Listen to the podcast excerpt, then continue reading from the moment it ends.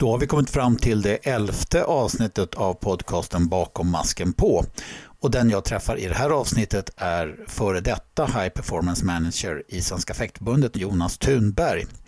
Han pratar lite grann med mig om vad han har gjort som High Performance Manager och vad uppdraget innebär och vad han tror att man ska ha för egenskaper för att eh, vara High Performance Manager i Svenska Fäktförbundet. Utöver detta så ägnar vi oss åt en del rent fäktnörderi-snack så att eh, det kan bli kul för andra fäktnördar att lyssna på. Varsågoda, här kommer Jonas Thunberg. En garde.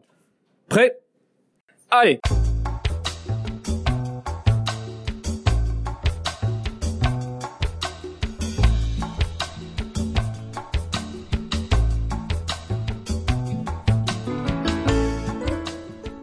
Då säger jag hjärtligt välkommen till podcasten Bakom masken på Jonas Thunberg. Tack. Avgående High Performance Manager i Svenska Fäktförbundet. Yes. När vi spelar in det här så är det alltså den 22 maj och du avgår Den 25. 25. Så jag har några dagar kvar på jobbet. Ja. Det är slut i alla fall för den här gången. Ja. Får vi se. Mm. Men du har varit ett år. Ja, jag har inte varit High Performance Manager ett år. Men jag har varit på lite olika sorters anställningar under ett år. Jag hade lite utredningsuppdrag precis innan våren när vi gjorde våra omvärldsanalyser. Så att det är ju sen i september bara som jag har varit High Performance Manager. Nu kan vi ju börja och säga det att du har sagt upp dig själv för att du ska gå vidare Yes. arbetslivet, gå tillbaks till din bana som journalist. Ja, eh, ja det ska, jag kommer att arbeta inom politiken som politisk sekreterare. Ja. Men att du i alla fall har haft väldigt goda vitsord med dig från förbundsledningen. Man är väldigt nöjd med det du har gjort som High Performance Manager. Men för mig, som ju har insikter i ämnet i och med att jag satt i styrelsen innan den här rollen anordnades, så har du ändå varit väldigt anonym. Så du får gärna brodera lite kring det. High Performance Manager, ett märkvärdigt ord och ett särskilt uppdrag i svensk fäktning. Vad har det inneburit? Det har ju handlat mycket om att bygga system. Vi har ju byggt landslagssystem i år. Att det har varit anonymt har varit lite medvetet från min sida för jag tror att eh, det har varit viktigt att pusha fram andra, det vill säga våra förbundskaptener. Jag har ju varit förbundskaptenernas chef, Ja. så kan man kort säga. Och förbund, som förbundskaptenernas chef så har jag varit med och dragit upp tillsammans med eh, eh, och organiserat det praktiska kring ledarutbildning som huvudsakligen Otto Drakenberg själv och eh, alltså ordföranden och eh, Marita Skogum, gammal orienteringsvärldsmästare och eh, coach och kommunikolog Ja. som har hjälpt oss med det. Eh, och jag har satt upp principer för de olika landslagen, finansieringstilldelning. Vi försökte göra saker väldigt eh, mätbart och förutsägbart. Något som vi har uppfattat har saknats tidigare. Jag tar inte det personligt då. Ja, jag, jag tror att det har saknats under hundra år. Alltså, Ja, jag tror aldrig vi har eh, haft något liknande. Mm. Ja, så att eh, nej, det, det är inte... Och, och när vi refererar bakåt så är det ju inte till den ledningen som var precis innan eller någon förbundskapten eller så. Vi tror att svensk fäktning generellt har inte har haft sin styrka i eh, robusta, eh, rättvisa system och hög mätbarhet. Mm. Vi återkommer till det, för rollen är ju tänkt att vara kvar. Och sen så talar vi lite grann om dig istället. Du har ju fäktat sedan du var ung. Fast du har liksom varit en sån här emin- grå eminens, höll jag på att säga. Du har ändå varit i bakgrunden väldigt mycket på fäktning. Har ett enormt stort fäktintresse och vet väldigt mycket om fäktning. Men det började i Ängby. Allra först började i Ängby satellitklubb, Jakobsbergs fäktklubb. Okej, Där började till och det, ja. Dag Åkerberg som startade Ängby, han hade en, en klubb till Ja. i Jakobsberg Mm. som också låg nordväst om Stockholm. Lite längre nordväst bara om Mm, Stockholm. Och där började jag fäkta när jag var nio. Mm. Eh, Florett och det var två tydliga florettklubbar som Dag Thomas Men var det stora syster Lotta då som började först? Det var jag som började började och hon som tyckte det där såg roligt ut och blev inbjuden av Dag Mm. eh, att börja. Så jag var först. Mm, och sen höll ni på i många år Sen i Jakobsberg. på Och sen blev det i Ängby. många år. Eh, Dag var lite sådär, han ville inte gärna att man skulle... Det var, eh, det var nog tänkt från hans sida att man skulle liksom vara kvar i den klubben man var i. Han uppmuntrade oss inte att gå över till Ängby. Nej, han ville bilda en ny riktig klubb. Ja, han ville liksom att båda klubbarna skulle stå för sig själva. Men då när jag var 14, 15, 14 någonting så hade Kenneth Teckenström startat en elitgrupp i Florett i Ängby som min syster och några andra tjejer framförallt var med i. Som jag blev rekryterad till och kunde börja träna på riktigt då kan man säga. Vi tränade två gånger i veckan bara i Jakobsberg. Och då kunde jag gå upp och träna varje dag i veckan, alltså fem gånger i veckan. Okej. I den gruppen kanske också då Helena Linder som så småningom tog en Precis. Var, bronsmedalj på Värja på VM. det var Helena Linder, Lotta och jag och några till. Mm. Mm, ja, det, Men kom Helena också från Jakobsberg? Nej, de, eh, de var ju från eh, området runt Bromma, omkring ja. Oxhovshallen, eh, Ängby, Bromma. Men det var ett gäng i Ängby som också var från lite andra ställen, nordväst. Ja. Bland annat jag och syrran.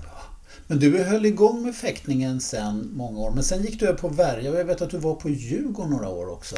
Precis, jag, höll, jag blev ju okej florettfäktare. Jag var på kadett-EM, eller det hette inte så, det hette ungdoms-EM. Alltså föregångaren till kadett-EM som var samma åldersklass men inte hade samma status. Eh, Men som ändå var då ett ungdoms-EM. Och jag var på ungdoms-VM i Göteborg som var i Sverige, det i florett. Eh, inga resultat att tala om därifrån. Jag var duktig i Sverige i min åldersklass. Eh, gjorde nog bara, jag gjorde bara pool på EM och jag gick lite längre på VM men det var, ska man vara ärlig och säga, för att det var ett konstigt system då med tre stycken från varje kontinent och tre från värdlandet. Okej. Och så att vi hade ju inte fått åka då, någon av oss, Nej. om det inte var i Sverige. Eh, Och eh, slog väl någon, någon från någon mindre bra kontinent, så nämnde vi inte vilken det kan ha varit. Så jag kom Mm. Nej, det en var, bit det in var i... lätt, lätt att säga på den Ja, tiden. jag kom Nu- en det bit in i direkten säga så. där så att säga. Sen så blev jag junior... Eh, ja, jag åkte på juniorvärldscuper i Florett. Ungefär samma där. Jag var, jag var, jag var okej i Sverige i min åldersklass. Vi hade några väldigt starka 72 år och 71 Mm, år framför oss. Så att det, jag fick alltid vänta ut liksom innan Oskar Granler och Max Ja. Hellström och några till liksom gick upp en åldersklass. Men Mm. när de inte var före så, så var jag, eh, kunde Var vara där uppe ja. tillsammans med några andra.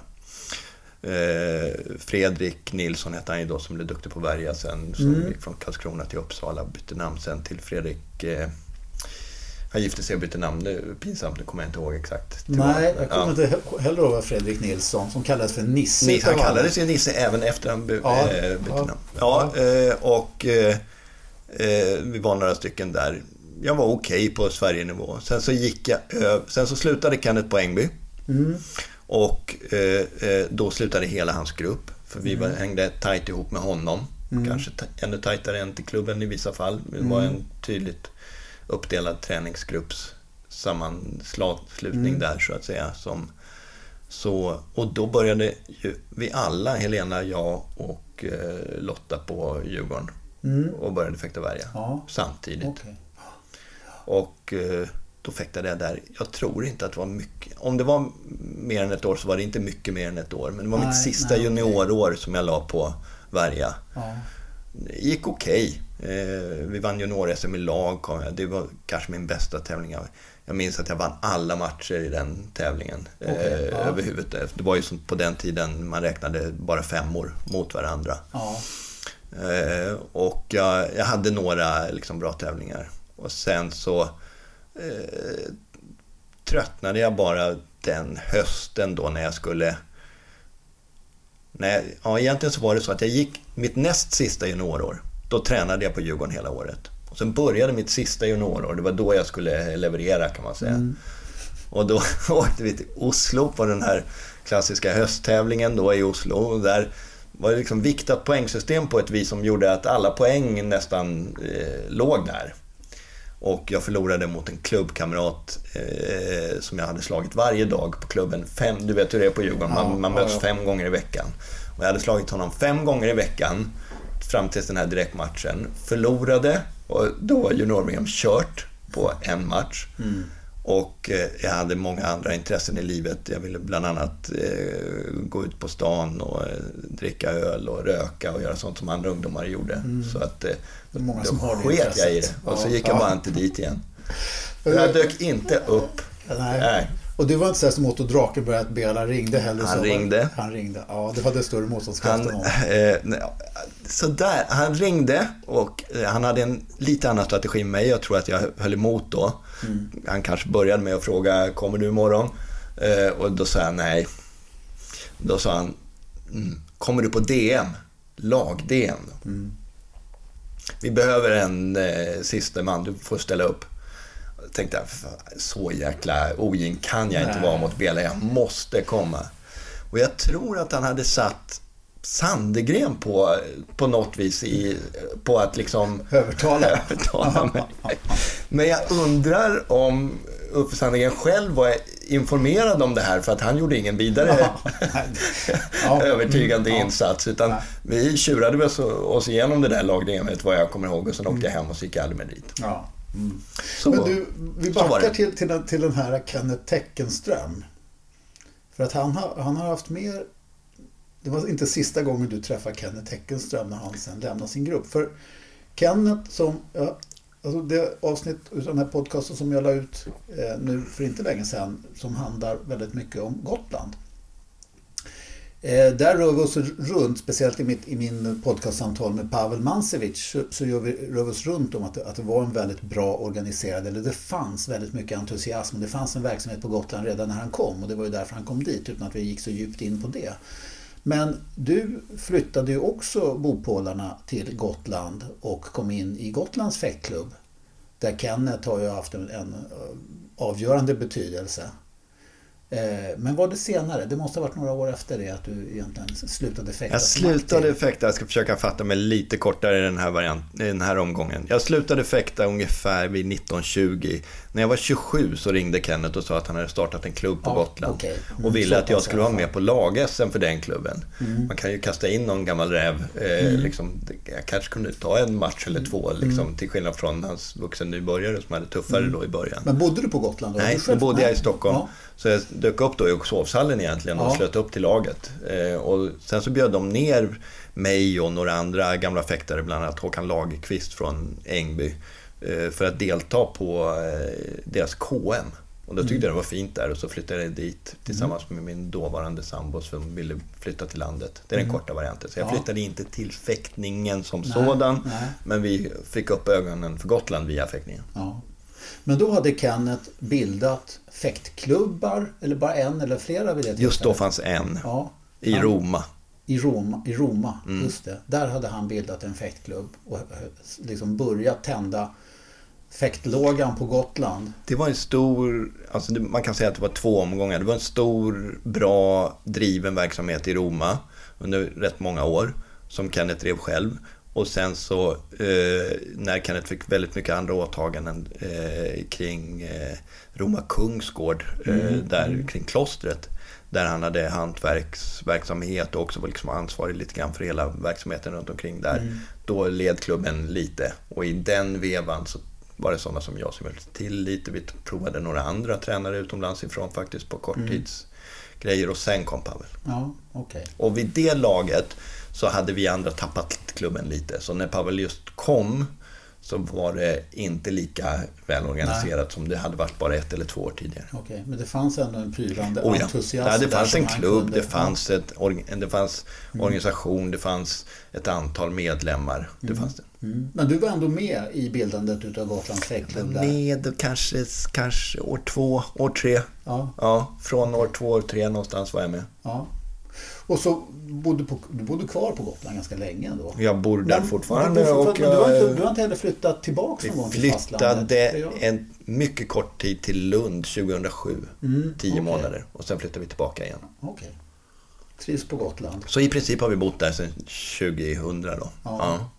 Men du har jobbat hela tiden med verksamheter som är på fastlandet, om man tänker det då? I princip hela tiden har jag jobbat, menar- åkt och jobbat och jobbat några dagar här och några dagar hemma. Mm. Så du vet hur man jobbar från, Yes, från mindre orter. Och det har jag gjort. Jag har också haft arbeten på Gotland. Jag har jobbat bland annat som, särskilt i början jobbade jag rätt mycket på sporten på eh, båda lokaltidningarna. Mm. GT och GA. Mm. Så jag har skrivit om bågskytteklubben Vildkaninens ungdomstävlingar. Och, Skrattar lite ja. hånfullt här, det opassande. Ja, vi får akta oss som också företräder ja, en liten men idrott. Vi är ju där ja. själva, det bara...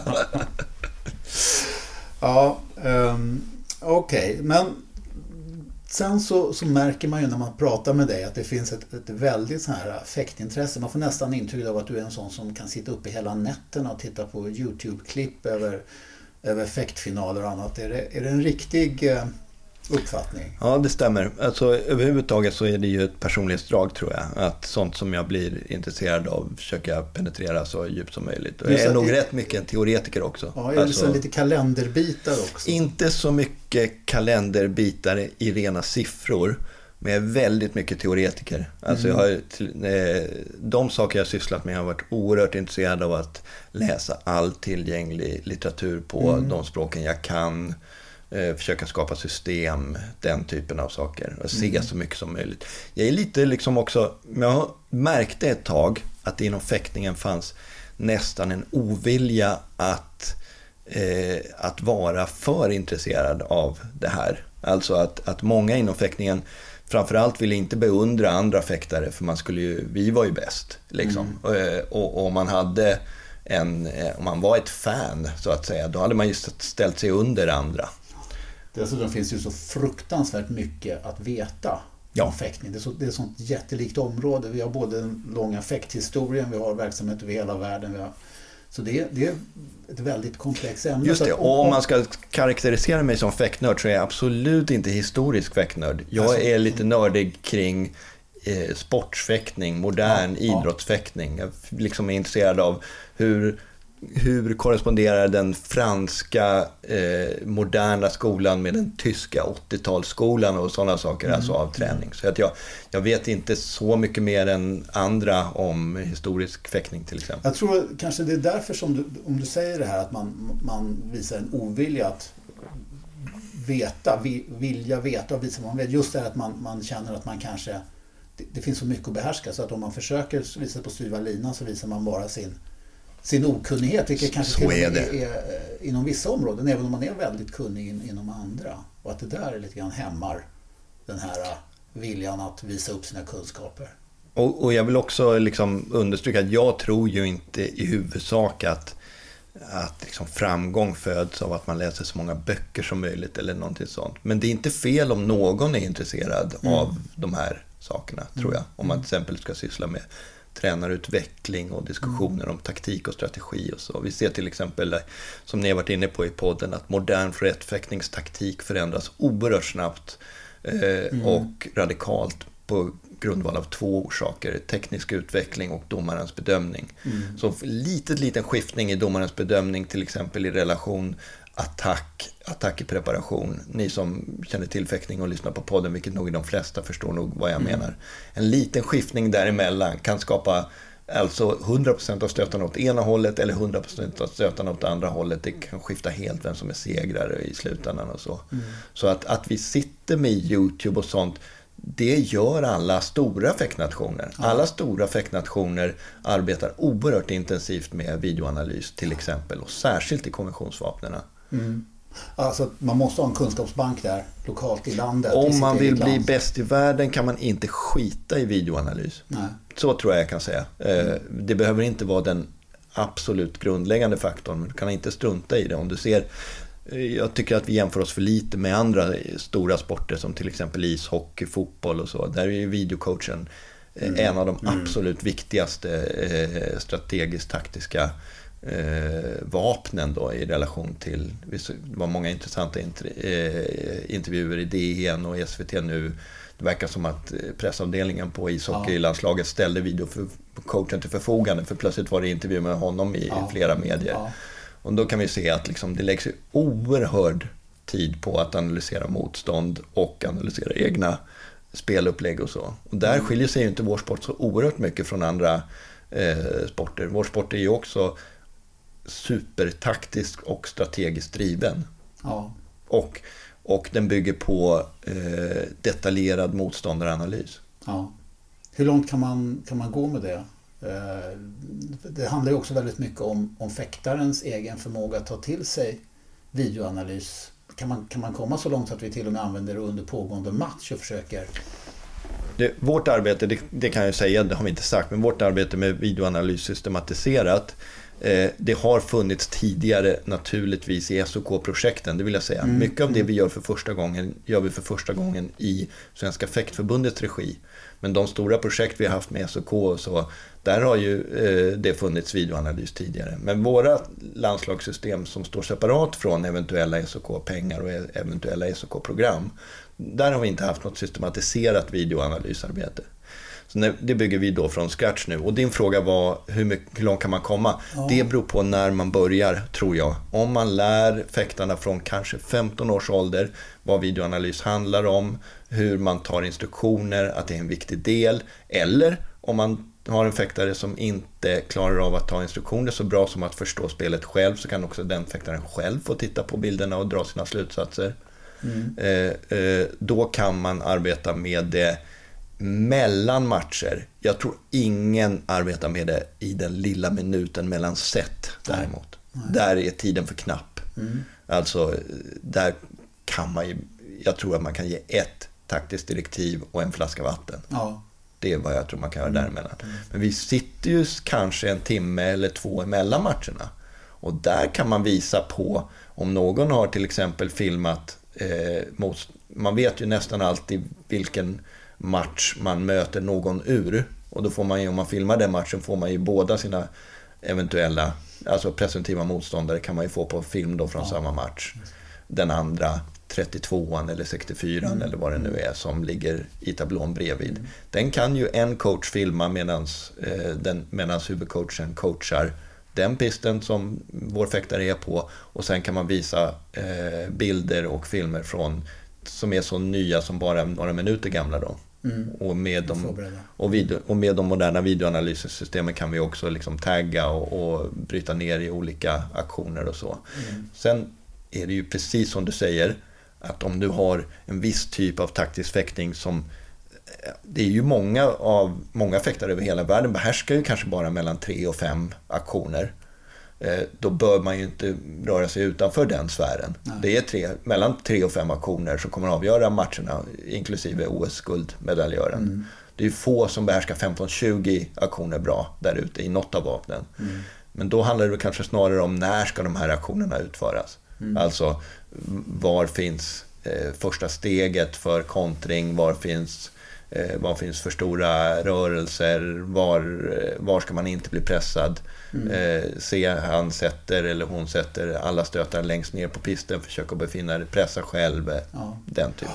Men alltså, vi, vi, kan väl bara säga det också så, så, att inte någon får för sig att jag framställer dig som en, en, en glad sån här skrivbordsfäktare med, med gott ordförråd. Du har ju ganska gedigen fäkttränarutbildning själv. Ja, jag har fäktat. Eh, eh, dels så började jag ju fäkta igen själv ja. som senior när vid 27 års ålder och mm. kom ändå liksom på jag har i alla fall fäktat på Grand Prix-nivå. Eh, ja. mm. Jag har tagit mig till dag två, liksom 256 tablå någonstans där. Så jag har tagit mig från poolen i, en, mm. i den svåraste typen av WC och sådär. Så det, så jag har en känsla ja, för ja. vad det handlar om, även om jag aldrig har varit världselit.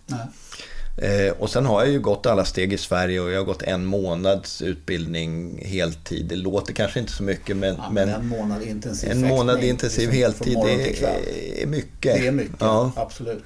Eh, I Taube Bischofsheim. Ja. Där jag då hade en fransk eh, lärare, Didier ja, Olagnon, som är Olagnon, ja, Schweiz förbundskapten nu och som var Tysklands förbundskapten då. Som är maître dame från Paris då från början utbildad. Ja, väldigt högt anseende i effektvärlden, Roland John. En av de där fyra, fem bästa i ja. Värja, tror jag mm. man kan säga. Mm. mm. Ja, så att det, det, liksom, det finns en del, en del, inte bara teoretiskt utan också faktiskt praktiskt arbete för din del bakom när, när du tittar på fäktning och när du kommer med dem med de eh, ja, slutsatser som du ändå drar från moderna fäktningen och vad man behöver ha och, som förbund? Jag tror att jag kan diskutera med landslagscoacherna på ett sätt som eh, befinner sig på samma nivå som dem. Även Mm. om jag tror att de är duktigare coacher vid pisten. Ja. Och framförallt att de kanske känner de elever som de har, Ja. att det är deras jobb. Och kunna dem vad som kan du förmedla den, den, eh, den praktiska, eller den teoretiska kunskapen. Ska jag säga. Överhuvudtaget har jag sysslat med ramar, teoretiska ramar för vad- vi sysslar med. Eh, eh, Och då praktiska ramar för organisationen. Som vi då i olika omvärldsanalyser har kommit fram till är en väldigt viktig sak. Alltså att om organisationen är stark är det en av flera viktiga faktorer som behöver vara på plats för att man ska bli framgångsrik världsnation i fäktning. Det finns några andra viktiga också. Men det, där, det, det är väldigt få av de framgångsrika länderna som har en dålig, svag organisation eller eh, mer värdeneutralt som inte satsar mycket på organisation. Nej. Alltså det, det är väldigt intressant vad man kan göra kring fäktningen och kring fäktarna för att nå framgång. Jag hörde en uppgift eh, i samband med London-OS att det engelska idrottsförbundet, vad det nu kan heta, de hade gjort en analys innan London-OS 2012 på vilka grenar som en olympisk medalj kostade minst i. Var det i antalet utövare, tillgång till arenor, tillgång till tränare, tillgång till utrustning, eh, resor och allting så här. Var någonstans? Och framförallt där konkurrensnivån var låg. Ja, och där, där liksom också rent pengamässigt. Mm. Eh, Var får man mycket medaljer för pengarna? Ja, och då kom de fram till att fäktning var en sån, en sån sport så de satsade mycket på fäktning då. Och det kanske är just för att det är en, många länder som ändå har ett ganska så lågt eh, innehåll av just den här Yes, typen men den analysen var inte så bra för att de fick sen ingen medalj. Nej. Och de fick ju eh, medaljer så att det räcker för att tapetsera väggen i cykel och eh, de var, eh, Ja, vad heter det när man... Velodrom. Eh, velodromcykel till exempel. Ja. var ju en sport som de valde ut då. Och där de satsade järnhårt och fick hur mycket medaljer som helst och så. Mm. Men vad, vad som är intressant med det där är att de räknade ju på ett program som skulle räcka åtta år. Mm. Och nu är deras huvudfäktare som bäst. Nu vann han igår Shanghai. Eh, Alltså nu i helgen vann Mm. Richard Cruz Shanghai. Och han vann Shanghai förra året. Så nu är han ännu starkare. Han kom fyra, det får ju anses vara okej i vårt mått mätt på OS. Men de, räknar, de är stenhårda, de räknar bara medaljer. De, fäktningen lyckades inte prestera medaljer på vad det var, 8 eller 12 år då. Och då åkte man ut. okej. Så de gick från hur mycket miljoner som helst per år, kronor, Ja, ja. till noll. Ja. Men, men eftersom arbetet redan är lagt så är han ju så bra.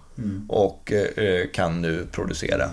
Så att, Ja, eh, hur mycket miljoner som helst, det har vi ju inte. Men ja, det har ju framkommit ändå i det när det annonserades att du lämnar tjänsten att eh, Svenska Fäktförbundet avser att ha tjänsten kvar. Man hade gärna sett att du hade fortsatt.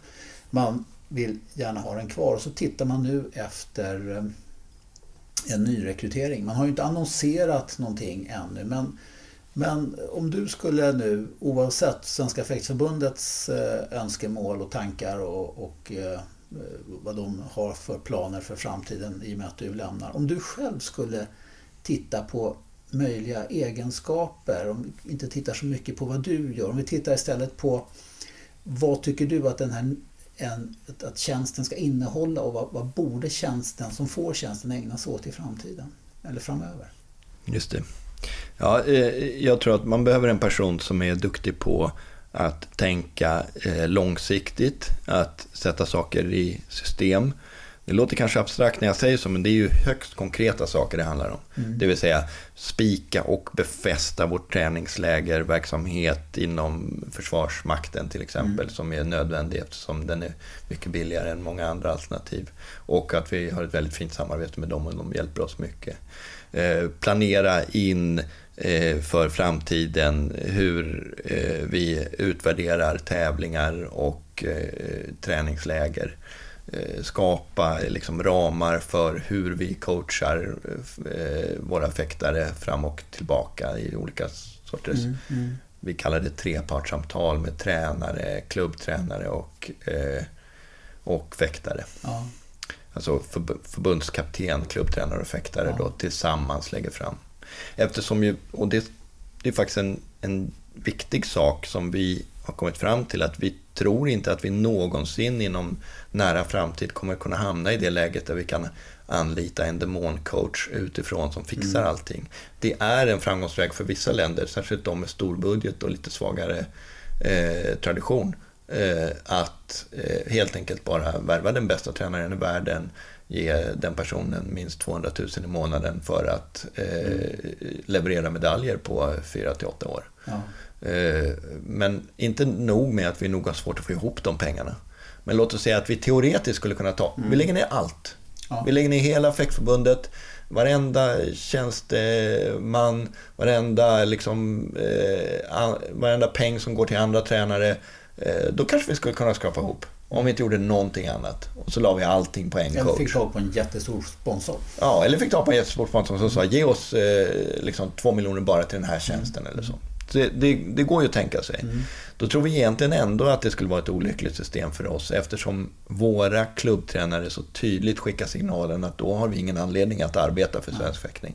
Om jag måste släppa min elev precis när den börjar leverera vid 20 års ålder, då vill jag inte hålla på med det här. Mm. Det finns i alla fall alla klubbar som befinner sig i storstadsmiljöer verkar känna så. Mm. Och att ha ett system som så aktivt går emot och arbetar mot viljan hos ja. de som egentligen gör allt arbete upp till en viss nivå, även i de andra centraliserade systemen. Mm. Det tror vi inte går. Det land som vi kan titta på som vill köra den här modellen, det är Schweiz. Schweiz kör så, Frankrike kör så. Ja, okay. Eh, där är ingen klubbkontakt med klubbtränare efter du har kommit in i landslaget. Mm. Eh, lektionering, till och med eh, Frankrike är nog, och Ryssland är också så. Betalar man av också klubbtränarna så att de känner någon ja, det är precis det. Det, det är precis det som finns i de systemen då. Att ja. då får klubbtränaren ett diplom, klubben får en viss summa pengar för att ha levererat den här landslagsfäktaren. Eh, man blir uppmärksammad i är, ärofyllda sammanhang och så vidare. Ja. Plus att man Eh, det här är ofta länder som har en stark egen fäkttradition och man jobbar ungefär likadant på samma principer också hela vägen. Alla är utbildade på samma ställe, alla landslag ligger på precis samma ställe, INSEP i Paris, de bor till och med där. Alla känner sig som en del i ett stort i en stor fäktmaskin som bara fortsätter att leverera år för år. Mm. Men andra väldigt framgångsrika länder som Italien som kanske egentligen är än mer framgångsrikt, det är inte alls så. Nej. Utan där är klubben helig, klubbtränaren följer med hela vägen upp till OS. Eh, eh, väldigt mycket av träningsverksamheten ligger på olika elitklubbar runt om i landet som mm. inte då är direkt knutna till landslaget och så. Om du personligen fick, eh, det är ju en kul fråga, om du personligen bara fick säga vilket system är bäst? Vilket skulle du föredra? Vilket skulle du helst vilja verka inom? Det är där du har klubbtränaren med dig på OS eller det där, där det kommer en stor tränare från national, nationalförbundet, nationella förbundet och plockar upp? Låt mig svara lite diplomatiskt. Ja. Det är mycket roligare med ett decentraliserat system där alla är med och bidrar. Men jag tror eh, på riktigt att givet allt, allt annat lika mm. så är det nog enklare att centralisera. Mm. Alltså om du bortser ifrån alla konflikter, skit som det drar med sig etc. Det kan man ju inte i den verkliga världen. Men låt oss säga att vi, vi uppfinner landet X. Eh, de ska snabbt få fram eh, hundra duktiga fäktare. Mm. Då tror jag centraliser centralisering är enklare då. Mm. Men det, jag, tror in, jag tror inte att svensk fäktning mår bra av det. Nej. Nej, jag har väl också känt faktiskt att det är viktigt att få med klubbtränare och det är viktigt att få till ett, ett så runt fäkt-Sverige som vi kan. Jag tror, jag tror, inte att vi har något val, för om vi skulle köra över lik här och bara säga nu har vi värvat Monsieur eller eh, mm. Madame X ifrån Frankrike till exempel. Hon eller han ska ta hand om allt från och med nu. Alla duktiga från 18 års ålder kommer hit till Stockholm och eh, drillas helt klubbneutralt bara av den. Eh, det skulle bli krig alltså, tror jag. Mm. Och ja. kanske med rätta. Samtidigt så... Ungern är ett annat land ja, där klubben ja. fortfarande har mycket att säga till om. Ja, där klubban har mycket att säga till Ja, hela vägen upp till OS och ja. liksom 30-40 års fäktare. Ja. Och då får man ju leva med ibland att man också har klubbtränare som har sina egna ja. idéer. Mm. Och, och eh, det är ju precis i de områdena, egentligen så, så är det ju eh, det är en dum genväg att gå och tro att man kan centralisera bort det. De konflikter vi har haft eh, och har mm. dagligdags, de måste ju hanteras dagligdags. Eh, och det kan man liksom inte tänka bort. Mm. Men, men jag kan erkänna så mycket här att jag var väldigt eh, attraherad av det här centraliseringsalternativet när jag började jobbet. Mm. Okay. Alltså, eh, då trodde jag nog att det skulle kunna vara en en, en, en snabbare väg framåt. Innan jag förstod hur, hur intrikat eh, och, och trådarna hänger ihop med varandra. Ja. Vi hade ju faktiskt på besök här i Sverige i samband med att när SOK eh, och när Igor Chichinjov lämnade damvärjan eh, innan Björne Wegge klev på fullt ut hade vi besök av Farché, Hervé Farché, den franska tränaren som också var i, i för att just utröna de här och det är ju en hel del om man ska ta hit en utländsk tränare som ska fungera i Sverige och få, och få, få systemet. Eh, det är en hel del komplikationer kring det också. Det är inte helt problemfritt. Det är inte, jag vill säga att jag utesluter naturligtvis inte att vi kan rekrytera utomlands ifrån. Nej. Vad jag inte tror att vi kan göra, det är att vi kan rekrytera utomlands ifrån och säga till den personen eh, eh, från och med 18 år får du allt. Mm. Det tror jag inte vi skulle kunna göra. Men, men, men eh, men det skulle ju naturligtvis också innebära en massa olika svårigheter. Och vi ska inte lura oss här heller tror jag. I vissa länder fungerar den här centraliseringen oerhört starkt. Det är också huvudsakligen länder som är oerhört starkt centraliserade statligt. Frankrike har staten oerhört mycket att säga till om i alla sammanhang. Ja. Folk är extremt vana vid att staten bestämmer i slutändan. Mm. Så är Ryssland också. Mm. Eh, eh, Medan decentraliserade länder som federala Tyskland till exempel Eh, där är det tvärtom. Ja. Där måste liksom delstaterna in och pilla. Vem är bästa fäktaren i saxen? Det kanske är viktigt för det här och det. Är ett jäkla ja, pussel. Där, där ser vi verkligen också hur Tyskland lider nu utav post Tauber Bischofsheimska dilemmat. Där man hade en stark klubb i många, många år dit alla resurser drogs och som skapade träningscentra för hela landet och de tog de bästa fäktarna och så gnölades det ut i regionerna och nu så när Taber då, då, då rasade så är det väldigt splittring inom den tyska fäktningen, har varit i många år. Ja, det är ju liksom...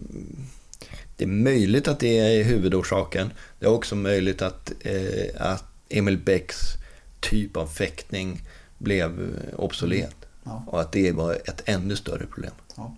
Alltså att eh, under 80-talet så var den väldigt effektiv både i florett och värja. Eh, ett system som man i princip helt hade kommit på själv. Mm. Eh, som autodidakt. Han hade fäktat lite i en klubb där i Wuppertal i närheten. Men, ja. men i princip så var det några böcker och, och lite tankekraft liksom. Och vid ett tillfälle, när de var på sin peak där 88, så, så tog de ju brons, silver och guld i damförrätt som var den enda mm. grenen som fanns för kvinnor då. Mm. Eh, alla tre från samma lilla stad på 11 000 invånare. Mm. Eh, och var, hade hur många guld som helst och silver i Herberga också. Ja, ja. Eh, men, men det är det man debatterar i Tyskland mest. Troligtvis så var det här väldigt eh, kling-intensiva, ganska hårda ja. fäktsättet. Eh, sprang andra länder tekniskt och taktiskt förbi det. Ja. Med en mer spetsorienterad och tempokänslig fäktning. Mm. Ja, det där är intressant. Det får vi prata om fler gånger. För mm. Eh, Jonas, eh, hur ska du kunna klara dig utan det här nu då? Ja, Daglig injektion utav fäktning. Va? Vi får se. Nu är det så här just nu. Man vet aldrig vem som kommer och går i de här organisationerna. Det är mm. många som har mm. mm. kommit och går. Jag utesluter mm. ingenting, men just nu så ska jag gå vidare med annat. Jag kommer ju sitta och titta på mina YouTube-klipp i alla fall. Mm. Eh, jag kommer ju säkert vara engagerad i klubben på Gotland. Ja. Eh, jag kommer eh, förhoppningsvis att ha kontakt med landslagsledningen framöver också. Eh, både på styrelsenivå och vem som än efterträder mig. Jag är ju den första på det här jobbet mm, så jag, jag, får väl berätta lite för nästa som tar det, vad, vad det är för något. För det är kanske bara jag som vet riktigt.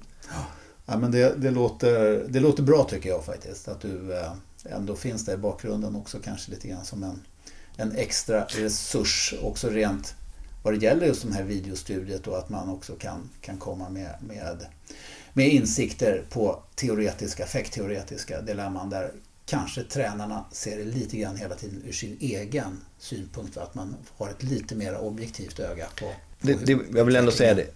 Vi har tränare med utmärkt taktisk och eh, teknisk kunnande. Jag kan inte lära dem någonting där. Det som jag har försökt göra och därför jag kan uppfattas som anonym är att ge dem alla verktyg som behövs för att de ska kunna göra de här analyserna. Mm. Alltså köpa in videoanalyssystem, mjukvara. Eh, ordna så att man blir utbildad i den mjukvaran. Se till att det finns eh, tester gjorda. Vi testade det på det, det, systemet som just vi har köpt och det testade. Det mm. finns ett antal på marknaden, säkert mellan 5 och 10 eller okay. kanske ännu ja. mer. Eh, testa just det systemet i Sochi. Se vad som, eh, fundera på makronivå så att säga mera. Vad, är det intressantare att vi ser vad våra fäktare gör för fel eller är det intressantare med motståndaranalys? Den typen av frågeställningar mm. snarare då.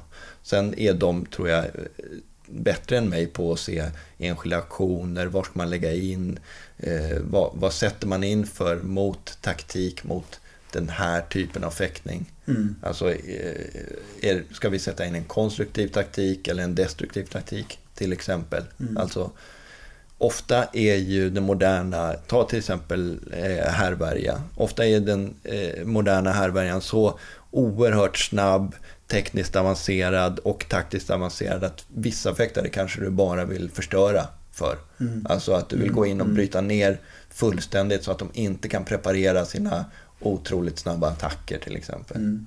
I videoanalysskolan som jag gick i Tauber till exempel, så som ett sånt exempel är, är Max Heinzer. Till exempel. Om han väl får attackera så kommer han att sätta sina attacker minst dubbel men ofta enkel. Ja. För att han är så snabb, så stark och, och så eh, duktig. Ja. Då gäller det att förstöra preparationerna istället. Slå på klingan precis när preparationen ska börja varje enskild gång. Och försöka hålla nere siffrorna och istället pressa honom till exempel. Alltså ja. den, eh, det, det, kan vara på den nivån att det inte alltid ens finns motmedel. Mm. Eh, det, liknande kan vi se på koreanerna som ju verkar kunna attackera i första intentionstempo var som helst ifrån egentligen. Ja. Och göra, ibland när man ser de här möta de bästa koreanerna möta andra världsfäktare så sätter de stötar som du egentligen bara ser eh, när det är en betydligt svagare fäktare på andra ja. sidan. Alltså de bara går rakt in och sätter en fotstöt, de går rakt in och sätter ett utfall rakt in eller alltså för att för att de verkar så jävla snabba, starka, ja. atletiska. Jag vet inte exakt, och ingen annan vet heller. Då hade man redan... Nej, då hade de inte varit världsledande Nej. som de är nu. Men, Nej, det, men det är säkert så att det handlar om att med, att det i, vissa fall kan handla om rent destruktiva eh, strategier. Det låter ja. ju hemskt tråkigt. Ja. ja men ja, ni, men, men jag ville bara ta fram komplexiteten ja, i det här. i vågor hela tiden, va? utvecklingen. Och så, så kommer någon, så, så är någon som då istället kör igenom den där destruktiva mm. taktiken och så kommer man med, med något nytt. Så att så måste det nog vara ändå att man man anpassar hela tiden fäktningen till, till tiden. En sak är i alla fall säker, om du inte är snabbast, starkast och bäst tränad i världen så måste du vara oerhört duktig taktiskt. Mm. Och du kan nog inte bli oerhört duktig taktiskt om du inte spenderar en minut på YouTube. Nej, då finns det verktyget att titta på. Och det är relativt billigt för oss. Mm. Relativt. Ja. Låt oss säga att arbetstid är alltid kostar alltid någon något. Mm. Oss eller någon ja, annan. Ja, ja. Men, men, men vi behöver inte nödvändigtvis ha en miljon för att sätta oss och videoanalysera. Sen är det ju här också för Fäktförbundets skull ganska starkt när vi kommer i vår diskussion med SOK som ju är en viktig spelare i, i våra satsningar framöver och kommer att vara så fort vi får eh, fäktare i och med att SOK ändå sitter på så pass mycket, mycket pengar i svensk idrott till elit utvecklingen inom ja, ja. alla sporter. Så att kan vi det här själva och har bra på fötterna så kommer vi definitivt att ha en starkare eh, position gentemot SOK. Det är inte minst viktigt faktiskt. Och RF också. Mm. RFs tankar just nu handlar väldigt mycket om det de kallar prestationsanalys. Mm. Alltså att vi måste gå ifrån eh, mera eh, godtyckliga resonemang om talang och talangutveckling till att gå till att huvudsakligen studera eh, på så vetenskapliga grunder som är möjligt för oss. Mm. Eh, hur man analyserar prestationer. Mm. Istället för att bara se hur, hur tar vi en talang från 17 år framåt, hur, exakt vilka resultat ska man göra i vilken ålder och så, så behöver man eh, vrida verksamheten enligt RF eh, mera till att titta på vad är en god prestation i fäktning? Vad består den av? Vilka beståndsdelar? Hur kan den... Eh, alltså egentligen liksom ganska så grundläggande vetenskaplig analys av den verksamhet som heter fäktning. Mm. När jag var på ett RF-seminarium här nyligen som var intressant berättade eh, handbollen har haft ett jättestort projekt där de har video eh, eller man ska säga de har mätt eh, allt som sker på en handbollsplan. Antal mm. meter som springs, hur högt man hoppar, eh, sådana saker. Och då vill de egentligen svara på frågan, deras huvudsakliga frågeställning är vad är handboll? Och det mm. visar sig att egentligen ingen visste det. Och, och, om jag ställer frågan till dig så är jag inte helt säker på att du har ett super tight svar på vad är fäktning. Jag har det inte i alla fall konsten att strida med blanka vapen.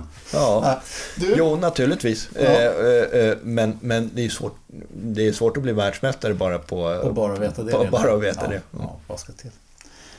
Jonas, jag tycker det var ett jätteintressant samtal. Ehm, Tack för att du hade mig. Ja, jag tror att det finns en och annan grej som du kan bidra med i din egen debriefing och i att ställa på någon annan på det här uppdraget. Så tack för att du ställde upp. Tackar. Kul.